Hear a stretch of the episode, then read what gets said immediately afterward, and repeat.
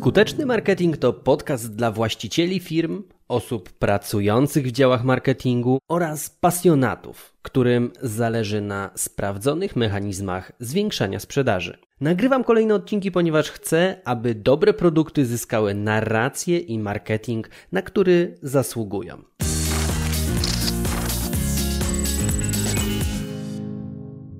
Jak współpracować z agencją, aby wykorzystać 100% potencjału? Nawiązywałem w tym podcaście wielokrotnie do tego, jak działać w marketingu z zewnętrznymi podmiotami, natomiast uważam, że temat wymaga jeszcze mocniejszego naświetlenia. W szczególności, że ostatni odcinek wywołał emocjonalne tornado, bo uwypuklił wszystkie popełniane błędy przez klientów, które powodują w cudzysłowie, że agencja jest zła, wypada w bardzo złym świetle, natomiast wcale to nie musi tak wyglądać, gdy stosuje się kilka w teorii dobrze brzmiących zasad, które wydają się być logiczne i takie zdroworozsądkowe, natomiast pozwalają uniknąć wielu błędów, Chociaż w praktyce, hmm, no nie zawsze ta zdrowa logika i ten zdrowy sens idzie w parze w tym, co się w praktyce robi. No więc na łamach tego odcinka postanowiłem podzielić się kilkoma takimi sprawdzonymi zasadami, jak współpracować z agencją, aby się po prostu dogadać. I w tym odcinku, w tym nagraniu chcę dla odmiany pokazać obszary, na które trzeba zwrócić uwagę we współpracy z jakimś marketingowym podmiotem. Będę używał zamiennie słowa agencja, freelancer czy marketingowy pomocnik, no bo to wszystko wszystko sprowadza się w sumie do tego samego. Już tak całkiem na serio, na jakimś etapie po prostu będziesz potrzebować zewnętrznego wsparcia w marketingu. Czy to przy stronie www, czy przy logotypie, jakimś ustawieniu automatyzacji maili,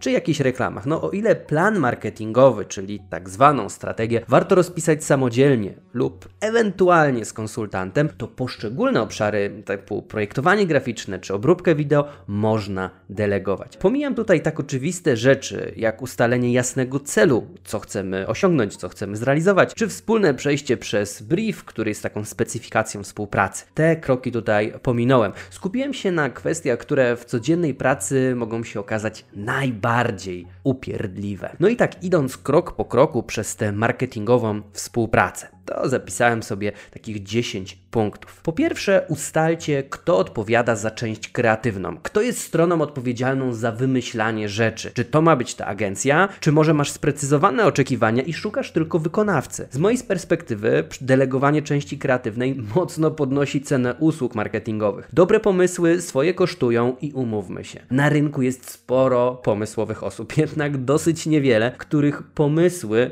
się do czegoś nadają. No i jak już bierzesz odpowiedzialność za część kreatywną i masz ją po swojej stronie, to niech nie będzie takich stwierdzeń, no to finalnie zaproponujcie coś i zróbcie, żeby było dobrze. znaczy, jeżeli chcesz, żeby ktoś wymyślał kreatywne pomysły, to e, oczywiście on pewnie za to będzie chciał jakieś ekstra pieniądze, natomiast jeżeli ty e, coś przekazujesz, to jasno określ, jak to powinno funkcjonować. Kiedy już mamy pomysł, to trzeba byłoby przejść do terminów. I kto tych terminów w tej współpracy będzie pilnował? Czy agencja jest tylko wykonawcą, czy również również pełni rolę menedżera projektu u Ciebie jako takiego projektu marketingowego. Kto będzie przypominał o datach, gdy ktoś się spóźni ze swoim zadaniem. To jest kolejny element, który wpływa na cenę. Zatrudnienie projekt menedżera w takim projekcie w zależności od jego doświadczenia kosztuje od 4 do nawet 10 tysięcy złotych miesięcznie, więc jest to rzecz, która podnosi wartość takiej współpracy, jeżeli opiekun właśnie po stronie agencji, czy też po stronie freelancera, jakaś asystentka, ona będzie odpowiadała za to, żeby wszystko działo się do przodu. No i kiedy mówimy mówimy już sobie o pchaniu rzeczy do przodu, to warto byłoby ustalić, na jakie terminy się umawiacie. Bo ciągła praca w trybie na wczoraj wyniszcza obie strony. Wykonawca czuje ciągłą presję która prowadzi do wypalenia pasji, nawet w największym miłośniku marketingu, a z drugiej strony wypala cierpliwość u klienta. No bo w pracy na szybko pojawiają się błędy. No tak to już po prostu działa. Warto więc zawczasu ustawić sobie realne terminy, tak zwany timeline pracy, bo to ogranicza chaos, który w mniejszym lub większym stopniu występuje zawsze przy dużych projektach, jednak jeżeli mamy taką oś pracy, co kiedy będzie realizowane, jest dużo łatwiej. Oś pracy to jest jedną z wytycznych, taką wytyczną planującą, więc gdy już jesteśmy przy wytycznych, to timeline jest właśnie taką osią chronologiczną, co się będzie działo. Natomiast warto byłoby przejść do takich e, wytycznych właśnie dotyczących zadań, bo ja widzę, że nie ma nic bardziej upierdliwego niż zadawanie pytań i wysyłanie tych wytycznych czy pytań o wytyczne na raty. Coś takiego w stylu, wiesz, ktoś ciebie pyta, a mogę prosić o dostęp do Google Analytics następnego dnia, a może podeślecie mi wasze logo?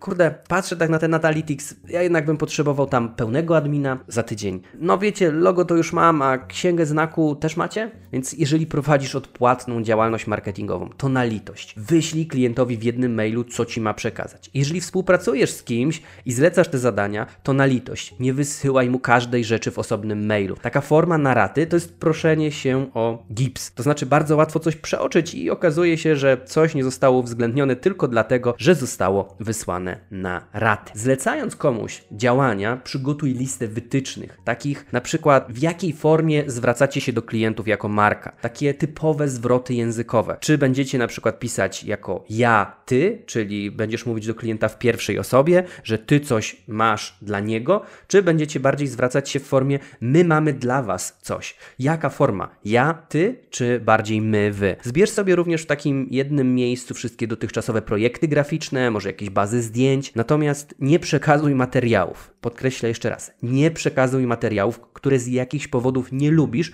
lub są już nieaktualne. Ja spotkałem się wiele razy z tym, że w sumie ktoś przekazywał nam jakąś bazę zdjęć, my wybieraliśmy te, które pasowały do projektu i okazywało się koniec końców, że to zdjęcie nie może być wykorzystane, bo już coś tak nie wygląda. No to dlaczego nam ktoś ma przekazywać rzeczy, których nie możemy używać? Warto też zastosować taką higienę pracy w obie strony. Freelancer, agencja, czy ktokolwiek, kto będzie to dla Ciebie robił, nie ma tej samej wiedzy co Ty i obie strony powinny zadbać o to, aby dosłownie niczego nie było trzeba się domyślać. Takie hasła trochę z, jak z związków, czyli no to się domyśl, no nie domyślasz się. No nie domyślam się, no po prostu nie ma czasu na takie e, zabawy, trzeba jasno komunikować te rzeczy, których się oczekuje. Więc y, idąc dalej tutaj, ustalmy w takich współpracach, kto z kim ma się kontaktować. Czy ma to działać przez jakiegoś pracownika, czy konkretnego może projekt menedżera? To ważne, aby później nie było chaosu. Na etapie ustalania zasad współpracy warto zapytać o poszczególne osoby, które będą pracowały dla Twojej firmy, jakie mają doświadczenie i czy pracowały przy podobnych projektach. To ma o tyle większe znaczenie, o ile podejmujesz współpracę z większą agencją, która ma na pokładzie kilkadziesiąt osób. O ile jej szef i kilku pracowników może wyglądać mega dobrze, to niekoniecznie te same osoby, z którymi Ty rozmawiasz, będą działały na rzecz Twojej firmy. Może się okazać, że zostaną do niej przydzielone dużo mniej doświadczone osoby do właśnie realizacji Twojego projektu, więc warto podpytać, kto będzie konkretnie przy tym projekcie Twoim współpracował. Przy freelancerach ma to mniejsze znaczenie, natomiast w przypadku agencji warto byłoby o to już zapytać. Idąc dalej, kiedy już mówimy o komunikacji, kiedy mówimy o poszczególnych pracownikach, no to do porozumiewania się służą dzisiaj narzędzia i na dzisiejszym rynku jest ich naprawdę sporo. Od zwykłego telefonu przez maila, komunikatory, messengera, apki to do, no właściwie można komunikować się na tysiąc sposobów. Z jednym z klientów piszę w wiadomości w formie direct message na Instagramie i też może być spoko, tylko jest jedno ale. Ustalcie sobie w jaki sposób się porozumiewacie i w jakich terminach. Nie ma nic bardziej wkurzającego niż to, że ktoś ktoś raz wyśle Ci zdawkową wiadomość przez mail, potem uzupełni ją notatką głosową przez Messengera, a na koniec wyśle Ci paczkę grafiku i transferem. I w takim środowisku nie trudno o pomyłkę i pominięcie jakiejś tam części wytycznych. Warto wszystko zbierać w jednym kanale, umówić się na jeden kanał i w nim po prostu się zamykać tak, żeby wszystko było w jednym miejscu, bo potem nawet nie wiadomo, gdzie do czego wrócić i gdzie co było przekazywane. Idźmy dalej. Oprócz zaufania, współpraca z firmą marketingową wymaga też szczerości. Co przez to rozumiem? Mów o swoich oczekiwaniach, ale też przyznawaj się do błędu. Agencja czasami popełnia błędy, ale klienci też popełniają błędy. Z drugiej strony, inny scenariusz. Jeżeli coś działa dobrze, to nie ma sensu tego ukrywać. Powiedz, że coś działa dobrze, coś Ci się podoba i chcesz tego więcej. Kiedy coś nie działa,